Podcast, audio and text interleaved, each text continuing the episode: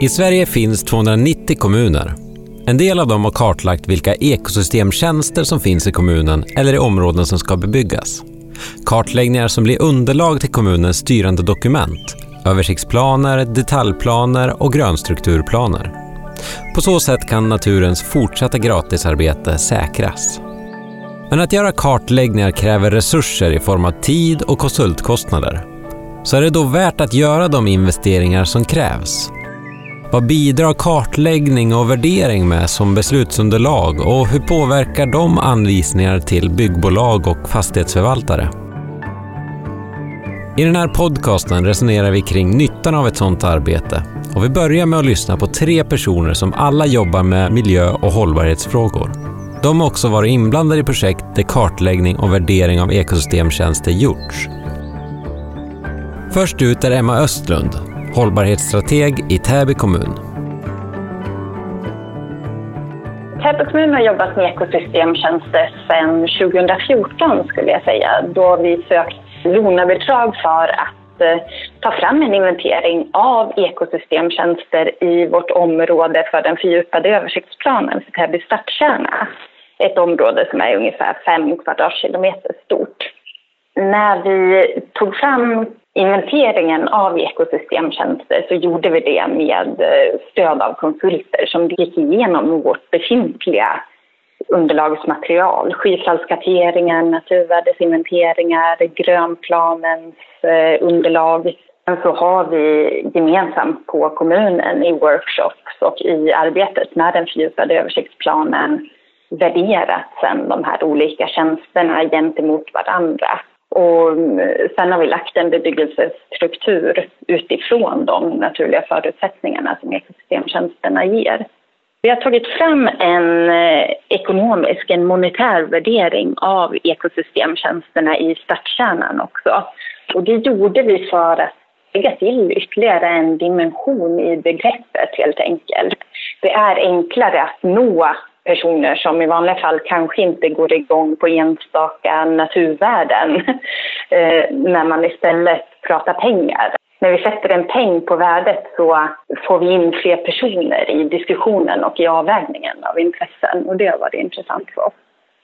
Vi har ju då implementerat eh, vår ekosystemtjänstanalys i de första två detaljplanerna i Täby park som är ett projekt i stadskärnan. Det är ett område som är ungefär 70 hektar stort. Vi planerar för ungefär 6 000 nya bostäder och 4 5 000 nya arbetsplatser i det här området. Där har vi dels eh, låtit ekosystemtjänsterna och grönstrukturen utgöra input till den bebyggelsestruktur som har lagts fram i Täby park. Och vi har även implementerat ekosystemtjänsterna i verktyget grönytefaktorn så att vi programmerar både allmän platsmark och kvartersmark med de värden som är viktiga på just den platsen. Så det blir ett väldigt konkret sätt att de facto föra vidare resultaten från den här övergripande nivån ner i projektet. Jag tycker att byggherrarna i Täby park eh, tyckte att det var positivt att eh, kommunen har en tydlig vilja i vad som är viktigt just i Täby park och det ger ju ekosystemtjänstkartläggningen input till. Det blir liksom ett bra underlag. För det kan ge oss en eh, flygande start i efterföljande projekt. Eh, en nytta är också att vi pratar eh, mångfunktionalitet på flera nivåer. Att eh, de här platserna som hyser många ekosystemtjänster blir lätta att eh, motivera och hävda liksom, dess bevarande och utvecklande eftersom de innehar så otroligt många olika ekosystemtjänster och så otroligt många värden. Och eh, ekosystemtjänstbegreppet är egentligen ett sätt att eh, gruppera alla de här värdena och presentera dem på ett och samma ark egentligen. Och det tycker jag var jättepositivt. Och sen också att eh, själva arbetet har varit väldigt kunskapshöjande för oss i Täby. I början av eh, det här arbetet så fick jag alltid förklara vad ekosystemtjänster är.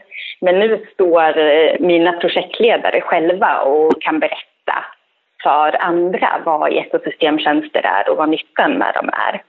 Så en vinst är just att eh, bredda den här naturkompetensen egentligen och visa att den berör eh, flera personer på kommunen. Alla är liksom ansvariga för att se till de lokala förhållandena och värdena på platsen. Och eh, ett tips är också att se till att Eh, alla som är berörda kan delta på workshops och eh, implementering i eh, kommunen. Vad betyder då kommunens arbete för byggbolagen? Nästa person, Dagmar Gormsen, jobbar med hållbar affärsutveckling på Skanska Sverige. De har flera projekt där de arbetar utifrån kommuners redan framtagna underlag. Skanska arbetar ju sedan länge med hållbarhetsfrågor ganska brett. Men Skanska har också märkt att det finns ett ökat intresse internt och externt för att arbeta mer med ekosystemtjänster och mycket frågor som är, som är viktiga för natur och miljö. Rent konkret innebär det att vi är aktiva i nätverket som eh, Naturvårdsverket har och att vi har ett antal utvecklingsprojekt där vi fördjupar oss i frågor kring biologisk mångfald, ekosystemtjänster och gröna ytor. Kommunernas arbete med att kartlägga ekosystemtjänster och att eh, värdera och kartlägga naturvärden är väldigt viktigt för vårt framtida arbete. För det ger oss möjlighet att lära och utveckla oss i de här frågorna. Vi behöver ju veta vilka värden som finns. Det ger oss möjlighet att i vår tur då se hur vi kan bibehålla eller utveckla de värden som finns på en plats som vi ska bygga på. Vårt tydligaste exempel är samarbetet med Lomma kommun där Lomma eller krav på alla exploatörer att kompensera för de naturvärden som finns på den platsen som man ska bygga på. Och till att börja med var våra projektutvecklare lite ja, men, eh, kände att oj, hur ska vi hantera de här frågorna? Vårt sätt att hantera det blev helt enkelt att väldigt öppet eh, gå tillbaka till kommunen och säga kan ni vägleda oss, kan vi samarbeta kring den här frågan? Man bjöd in till en bredare workshop. Liksom de kraven som kommunen ställde ledde hos oss till att vi behövde ta in en helt ny kompetens och tog kontakt med ekologer som på djupet kunde förstå vilka naturvärden som fanns och som också kunde ge oss en bra vägledning och ett bra förslag för hur, hur vi kunde bevara och dessutom utveckla de naturvärden och de ekosystemtjänster som fanns på den platsen där vi skulle bygga. Och det hela landade i att vi valde att arbeta med fyra ekosystemtjänster. Att rena luft, att kunna hantera dagvatten och släppa igenom det lokalt, att utveckla den biologiska mångfalden och att bidra till rekreation. Hela det här förfarandet upplevdes som väldigt positivt av eh, projektutvecklarna på Skanska. Plötsligt blev arbetet med ekosystemtjänster konkret och hanterbart också roligt. Att de tyckte att det var helt enkelt kul att jobba med den här frågan och kände sig stolta över att ha åstadkommit något nytt och ha gjort skillnad. Skanska är ofta involverade i att vara med och bidra till utvecklingen av ett större område, kanske till och med en hel stadsdel. Och i de fallen är det också väldigt bra att det finns en gemensam grund så att man, vi byggherrar som finns på ett ställe kan samarbeta kring lösningar som vi applicerar. Det blir sammanhang för gröna korridorer, planteringar kan hänga ihop genom ett större, um, större område det blir ett mycket bättre gemensamt tänk hur man stärker flera värden i en helhet i hela stadsdelen eller hela utvecklingsområdet. Och, och ytterligare en fördel är ju också att vi kan lära oss av de större kommuner som har större muskler och kan utveckla de här frågorna. Och en fördel är ju att vi sedan har med oss det när vi träffar på kommuner som inte har kommit till de här frågorna riktigt än och hjälpa och samarbeta för att öka de, den biologiska mångfalden och naturvärdena även på de ställena. En utmaning för oss i vårt arbete är att Skanska är byggherre och utvecklare och entreprenör men vanligen inte förvaltare. Och därför är det också väldigt viktigt att vi är med från början, förstår de ehm, önskemålen som finns för att skapa gröna värden och säkra upp att den kunskapen om hur man sedan förvaltar dem går hela vägen från projekteringen genom att vi bygger de här miljöerna tills den framtida förvaltaren.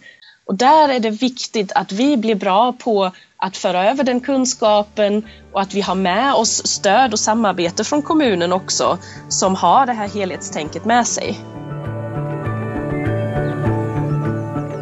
Ja, en viktig del i arbetet med att bevara ekosystemtjänster är hur de förvaltas efter avslutat byggprojekt. Riksbyggen både bygger och förvaltar fastigheter och för några år sedan började de arbeta med ekosystemtjänster. Carolina Brick är deras miljöchef. Vi påbörjade det här arbetet 2013 och ville hitta en metod för att kunna hantera ekosystemtjänster. För att det är ju en väldigt komplex fråga.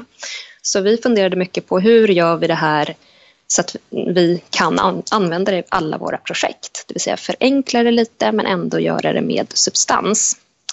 Så då inledde vi ett samarbete med Sweco och tog fram ett verktyg för att kunna mäta det här och göra det mer konkret. Och nu kör vi det i alla våra projekt och har så gjort sedan 2014. Eh, och det vi gör det är att vi går in när vi ska köpa mark och gör en kartläggning av vilka ekosystemtjänster som finns på platsen i nuläget. Och så tittar vi på hur de här nyttjas och vilka framtida behov vi ser på den här platsen. Och det är 15 olika ekosystemtjänster som vi tittar på. Och några exempel på de ekosystemtjänster vi tittar på är pollinering, bindning av kol, vattenreglering, vattenrening, olika habitat för arter. Som vår affär ser ut i nuläget så när vi bygger nytt så har vi per automatik då förvaltningen under de fem första åren och sen kan bostadsrättsföreningen välja om de vill fortsätta jobba med oss. Men de kan även välja att Eh, gå över i egen förvaltning eller koppla in någon annan aktör. Och här blir det jätteviktigt med kunskapsöverföringen då till styrelsen i bostadsrättsföreningen. Så att om man nu väljer att inte fortsätta med Riksbyggen som förvaltare, att man vet vad vi har byggt in och hur det ska skötas för att bibehålla de här värdena över tid. Det som är viktigt att tänka på i förvaltning det är ju att man har med ekosystemtjänstperspektivet hela tiden. För det är mycket saker som gör dagligdags vi klipper gräsmattor, vi klipper häckar och så vidare. Och där jobbar vi till exempel med utbildning mot fastighetsskötare just med fokus på vad kan man göra utifrån miljö i praktiken i sitt eget arbete. Och det kan ju vara väldigt enkla saker som att använda näringsämnena mer effektivt eh, genom att lämna kvar lövrester i buskar och rabatter eller att eh, bara använda metoder för ogräsbekämpning som inte innebär användning av kemiska bekämpningsmedel. Och det är ju hela tiden en kunskapsöverföring med nya metoder och hur vi ska jobba. Så det är liksom det löpande arbetet. Det finns mycket att göra i sin vardag som har ekosystemtjänstkoppling. Eh, Sen handlar det om dialog, att man verkligen får en återkoppling till eh, nyproduktion. Vad var det för åtgärder som vi genomförde som funkade bra? Så att vi inte skapar olika typer av utemiljöer som innebär att det är väldigt svårt att förvalta vilket kan innebära att det förvaltas på fel sätt och att värden tappas bort på vägen. Även kunskapsöverföringen till fastighetsägaren är ju superviktig så att man verkligen ser vad det är för värden och att man är medveten om det inför framtida förändringar. Som det fungerar i dagsläget har vi precis tagit fram vårt första prospekt till de boende på utemiljön. Det är egentligen som ett lägenhetsprospekt. Det får man ju alltid när man köper en lägenhet. Men nu har vi tagit fram ett på gården där vi har illustrerat vilka åtgärder som vi har genomfört. Om vi till exempel har anlagt ett grönt tak så skriver vi in det och ritar in det på den här bilden. Och sen skriver vi även in vilken koppling det har till eh, ekosystemtjänstvärdena. Att här har vi anlagt ett grönt tak och det bidrar till exempel till vattenrening och vattenreglering. Och det här hoppas vi ska vara en bra kunskapsöverföring till de boende så att de är medvetna om vad vi har byggt in. Och sen är det även en överlämning då utav det här analysmaterialet så att man får se vad det är vi har tänkt att eh, genomföra i våra projekt. Så man vet vad det är man tar över, vilka värden som är skapade. De lärdomar vi har dragit av att ha jobbat med vårt verktyg för ekosystemtjänster under eh, drygt fyra år är eh, framförallt att det har varit ett bra sätt eh, för att få en ökad dialog kring de här frågorna i våra projekt.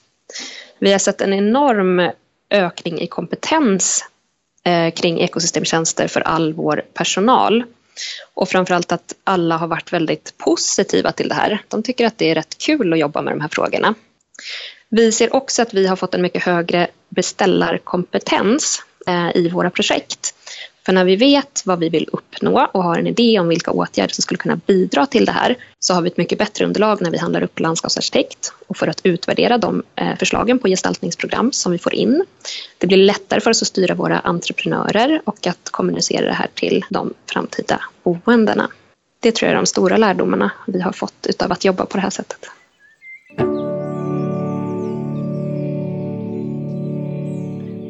Så det har onekligen funnits en nytta med kommuners kartläggningar bland byggbolag och förvaltare. Och kommunerna själva verkar också tycka att arbetet resulterat i något positivt. Men finns det några andra aspekter i det här arbetet?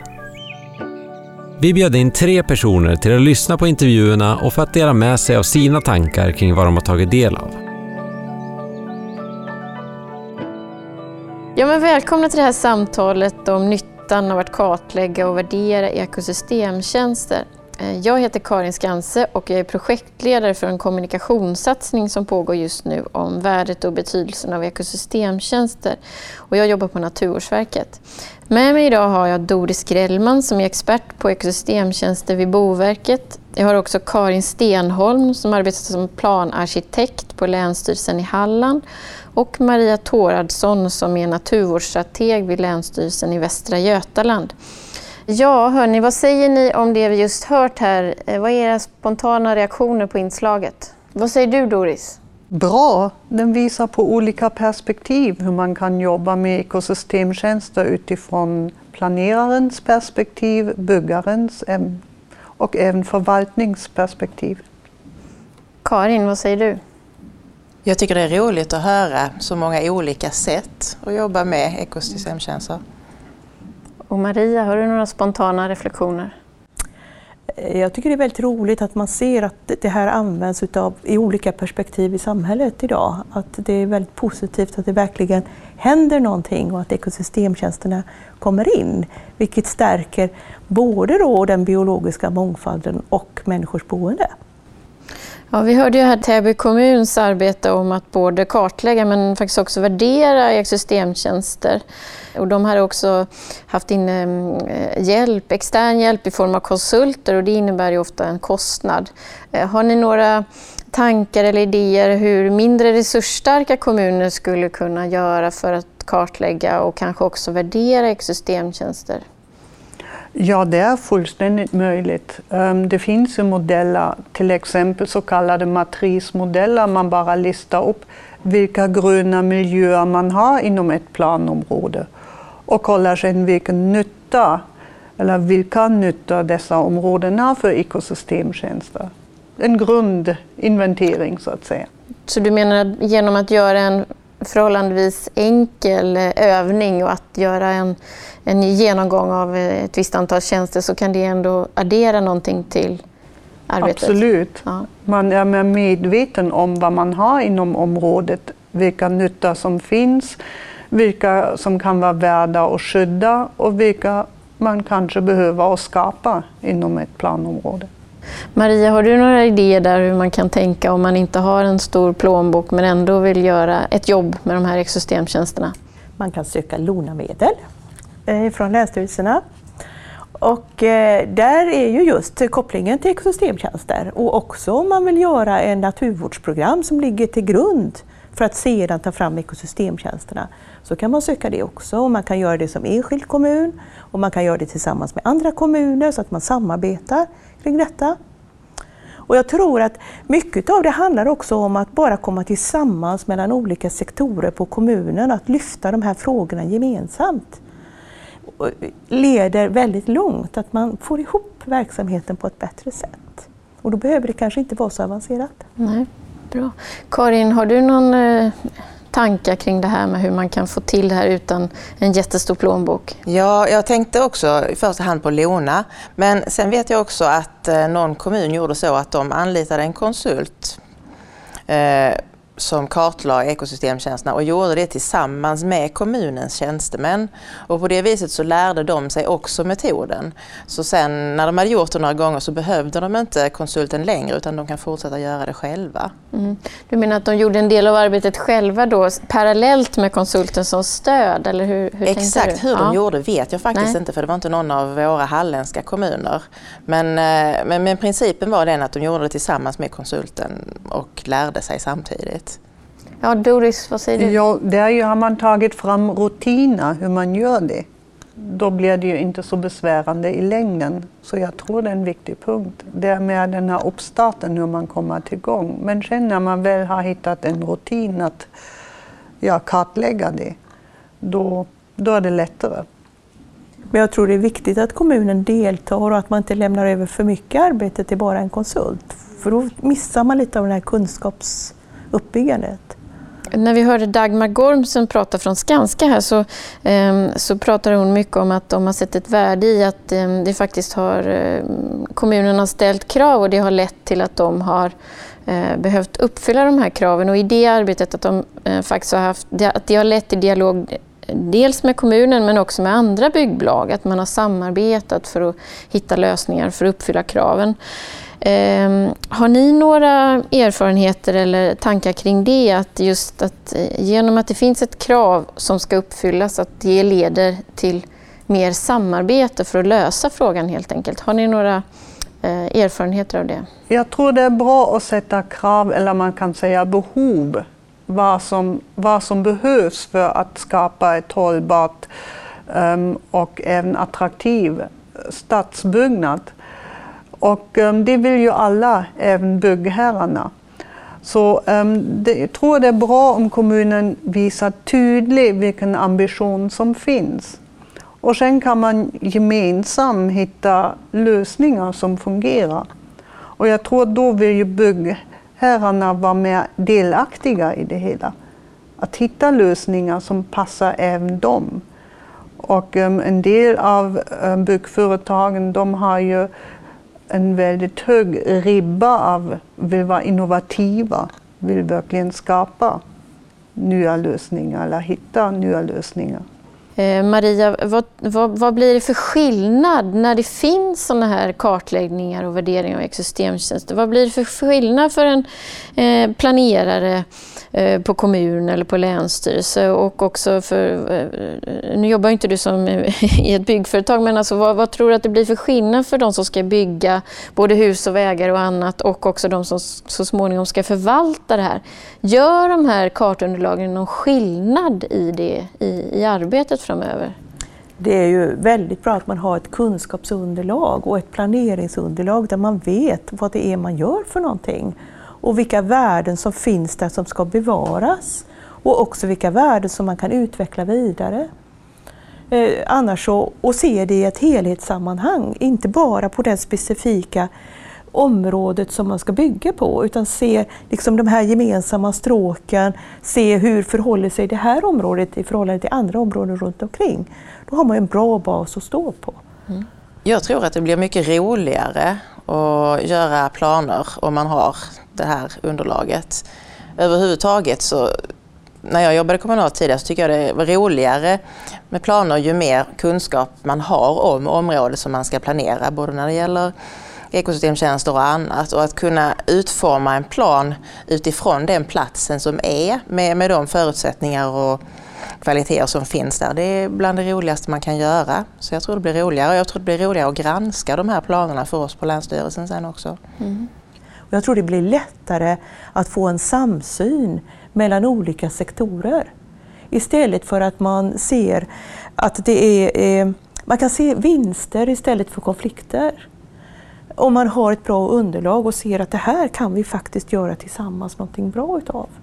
Och det är ju särskilt när konkurrensen mellan mark och vattenanvändning blir större och större. Det finns många som efterfrågar samma mark och vattenområde och då måste man se vinsterna och inte konflikterna. Och det tror jag att ett bra kunskapsunderlag leder till en bättre samsyn. Mm. Och du tänker att just ekosystemtjänster kan hjälpa till att eh, Eh, överbrygga de där eventuella eh, olika synen på... Ja, jag på... tror det. Och inte minst då när vi ska jobba med klimatanpassningsåtgärder. Ja. Att de kommer ju in där också. Och där måste ju alla kommuner nu jobba med olika åtgärder. Och där kan vi ju använda en ekosystembaserad klimatanpassning just med hjälp av ekosystemtjänster. Då. Tillsammans med allt det andra. Doris, eh, vad har du för tankar om det här? Alltså det, det är ju många aktörer som skapar ett bygdmiljö. Det ena är ju att det ska vara resilient, att det ska vara klimatanpassat. Um, sen ska det vara bra tillgängligt till gröna miljöer. Och sen ska det också ja, vara um, resilient för våra utmaningar. Det kommer med förändrade um, klimatet och det intresset delar vi ju alla och där är det ju bra att man, man har bra kartläggningar hur man kan lösa det här. Um, vilka behov det finns, hur förutsättningar ser ut. Jag tror också att vi måste börja tänka lite annorlunda när vi ska planera. Vi måste tänka mer långsiktigt, inte bara nu utan längre fram.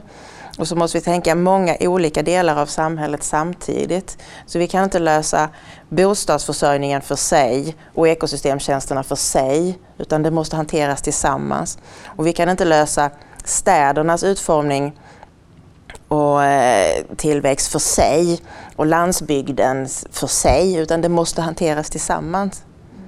Så det behövs lite nya former och mycket nytt samarbete.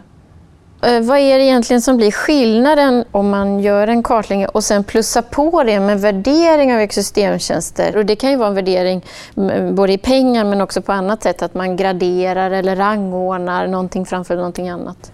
Jag tror det är fler som blir intresserade av ekosystemtjänsternas värde. Eh, det kanske är lättare att möta politiker till exempel som inte eh, kanske riktigt ser naturvärdena som ligger som prio ett alltid. Men ser man verkligen att ekosystemtjänsterna har ett ekonomiskt värde, då tror jag börjar man liksom tänka i lite andra banor. Eh, så att bara det här att man ger exempel på vad, vad ekonomiska värdet verkligen är, även om man inte kan värdera allt, det tror jag är väldigt bra. Jag tänker att eh, det som Emma Östlund från Täby sa om att man kan få med fler människor i diskussionerna om man tar in pengaspekten, det skulle jag tro stämmer. Och jag tror också att man kan ha nytta av det för att ytterligare ett sätt att förklara varför det faktiskt är viktigt med ekosystemtjänsterna. Men sen tror jag också att det är jättefarligt att prata för mycket om pengar. För det finns ju också de, man säga, de mjuka och svårmätbara värdena som inte går att värdera i pengar. Fågelsång, lugn, trivsel, sådär. Så man måste vara medveten om att allt kan inte värderas i pengar. Vissa saker kan vi sätta en prislapp på och det kan vara intressant. Men sen har vi det andra också och de är viktiga ändå. Ja, och de exemplen jag har sett på just värdering, det, det bygger mycket på också att man eh, i min erfarenhet i alla fall, att det är inte bara en nytta som värderas utan det är, ekosystemen bidrar med många olika nyttor till oss människor. Ett och samma naturområde ger många olika saker och det, det hjälper värderingen till att visa i min erfarenhet. Ja, och jag tror det är dit man måste komma då, för det är då som det verkligen man synliggör det riktiga värdet när man lägger de här ekosystemtjänsterna på varandra. Då blir det ju ett jättevärde ofta. Doris, vad är dina tankar kring det här med värdering eh, jämfört med kartläggning? Vad adderar värderingen? Ja, värdering är viktig när vi väger olika intressen mot varandra, då gör vi en värdering. Alltså när vi värderar bebyggelseintressen mot vad ger det här naturområdet för nytta, då har vi en värdering. Um, så ekosystemtjänster är ju mer en funktionell kartläggning på vilket sätt det kan göra nytta, men i själva värdering, då på något sätt kvantifierar vi den här nyttan den ger. Och det är en viktig förutsättning för att kunna väga, avväga olika intressen och också få förståelse. Hur tänker ni kring kopplingen med biologisk mångfald där? Hur, hur kopplar eh, en rik biologisk mångfald in i ett värde på en ekosystemtjänst? Jag ser att biologisk mångfald är ju en grundförutsättning för övriga ekosystemtjänster. Och om man har ett område som har höga naturvärden, då måste ju de naturvärdena eller den livsmiljön för de arter som finns där får man ju inte då begränsa eller eh, förminska de värdena. Utan det är viktigt att de ligger kvar som grund och är snarare förstärks. Och sedan kan man bygga andra ekosystemtjänster på det. Men det är basen för ekosystemtjänster. Du hade ett bra exempel på det. Eh, det här att om man har en skog med eh, höga naturvärden så skulle man kunna göra så att man förbättrar rekreationsmöjligheterna där. Men om man då gör det på fel ställe, på ett känsligt ställe, så kanske man försämrar möjligheterna för den biologiska mångfalden. Och då får man pluspoäng för rekreationsvärdena, minuspoäng på den biologiska mångfalden. Och då menade du, och det håller jag med om, att de tar inte ut varann. Utan då har man ställt till en större skada än vad man faktiskt gör nytta. Om jag tolkar det rätt så är det viktigt att då man behöver tänka på vad som ligger bakom den här graderingen eller värderingen. Då. Jag, jag, tror att det då är viktigt att man har en naturvårdsplan som ligger i botten där man vet var har man inom kommunen de höga naturvärdena. Eh, och de ska man ju då se till att de värnas och bevaras och snarare förstärks. Och då har man det som bas.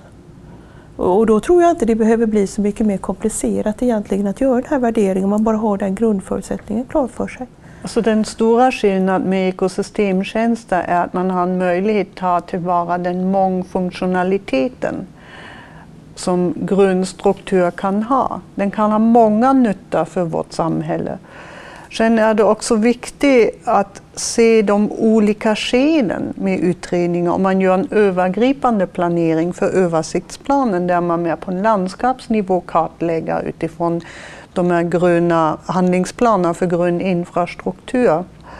Och sen um, när man går ner i detaljplan, när man har ett område, kolla på de specifika förutsättningar inom det området.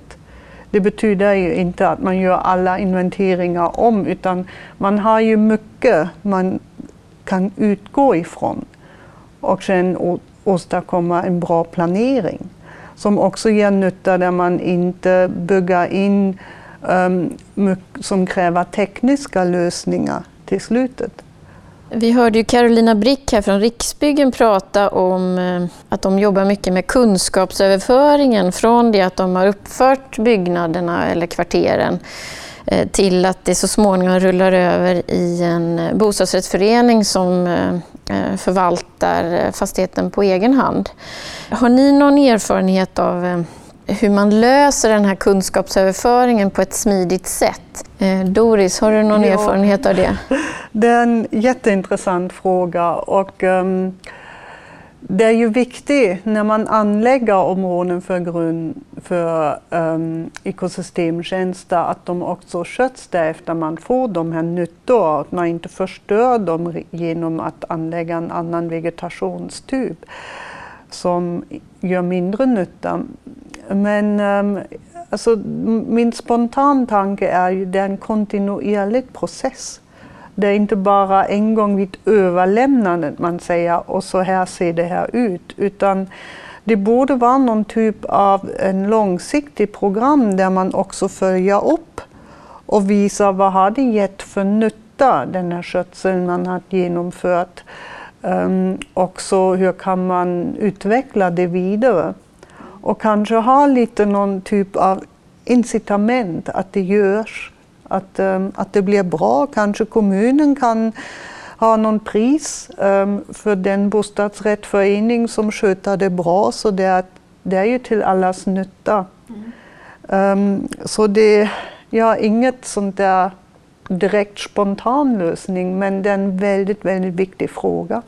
Jag tänker det behöver inte handla om bara ett, ett, eh, där man bor utan det kan ju vara att man lämnar över en förvaltning av ett eh, ja, naturområde som, är, eh, som inte är så bebyggt. Kunskapsöverföringen där, har ni någon erfarenhet av när det har funkat bra? Det kan jag egentligen inte säga att jag har men jag har i många sammanhang diskuterat hur det skulle behöva fungera framöver. Och det känns för mig som att det behövs någon sorts dokumentation av en fastighet. Någon sorts eh, bruksanvisning eller skötselplan eller instruktionsbok för en fastighet. Att vi har tänkt så här och så här. De här arkitektoniska grundtankarna hade vi och vi valde de här tekniska systemen och vi utformade gården så här med de här växterna. Och för att det ska kunna fortsätta fungera så, så ska ni tänka på det här när ni sköter gården och det här om ni ska bygga till och underhållet av byggnaderna kräver det här och det här och så vidare. Mm.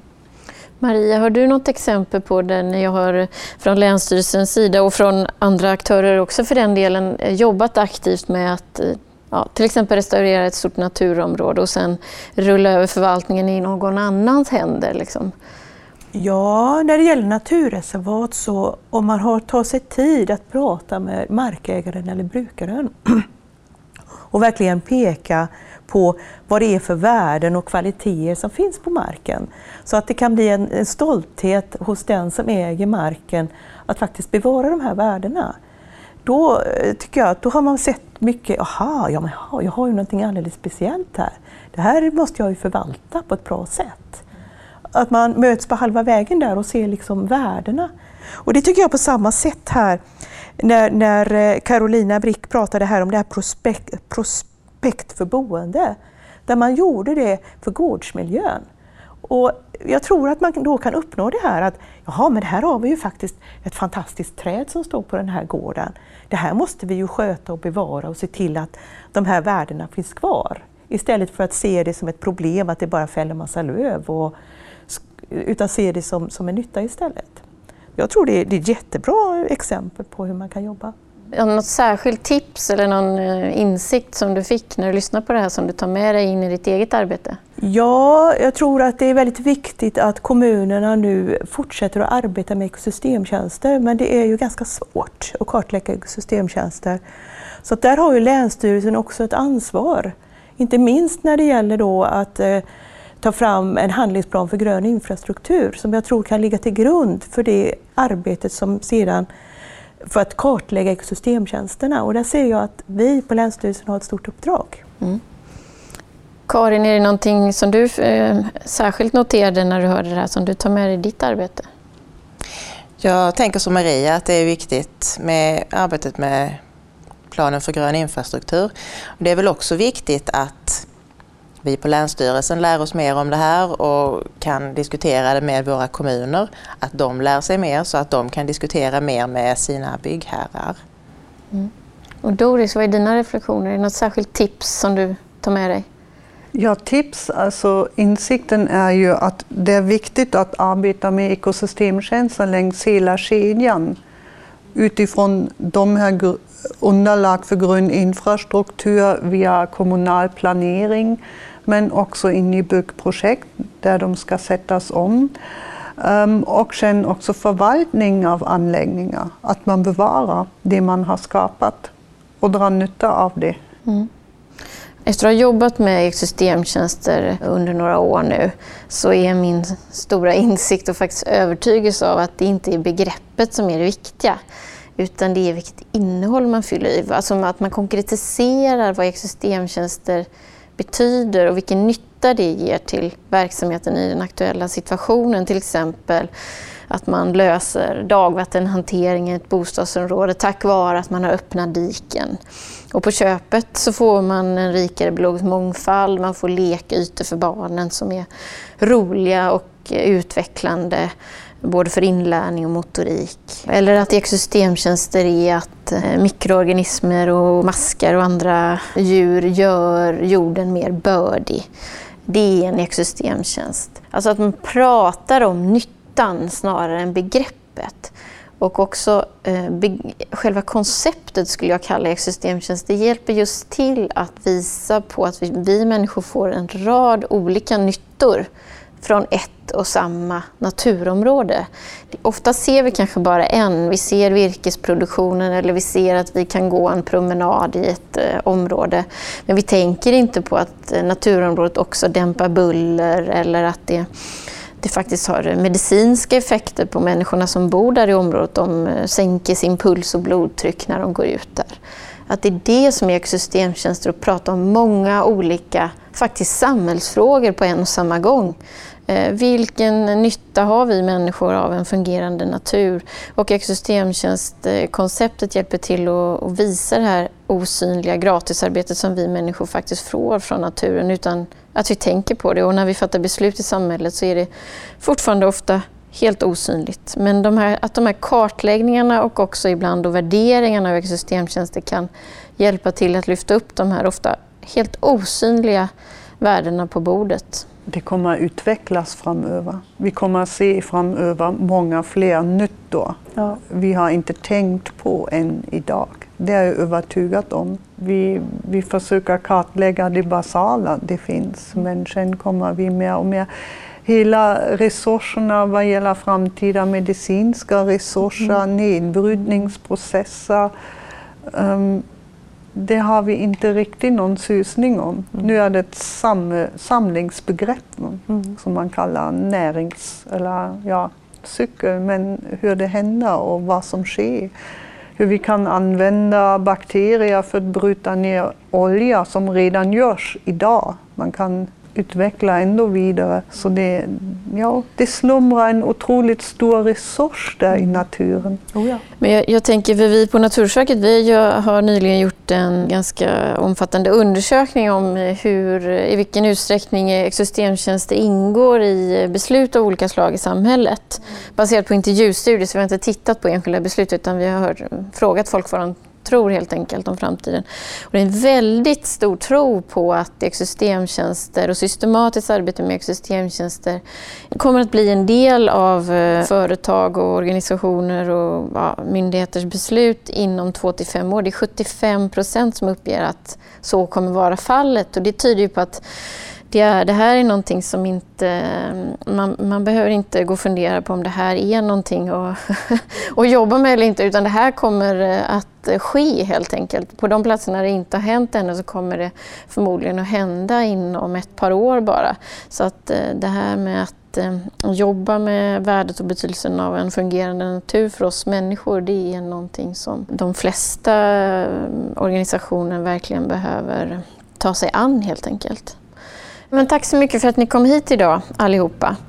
För er som lyssnar, om ni vill veta mer om ekosystemtjänster och ta del av hur andra jobbar med de här frågorna så får ni gärna besöka Naturvårdsverkets hemsida på naturvardsverket.se ekosystemtjänster. Det finns också en Facebookgrupp som ni gärna får gå med i som heter eh, Jobba mer med ekosystemtjänster. Ni söker på Facebook och så Eh, skickar ni en förfrågan om att eh, få vara med där. Eh, och I den gruppen kan vi också fortsätta det här samtalet. Tack så mycket för att ni lyssnat idag. Du har lyssnat på en podcast om ekosystemtjänster från Naturvårdsverket. Lyssna gärna på fler av våra produktioner. Bland annat finns podden Prat om klimat i tre avsnitt.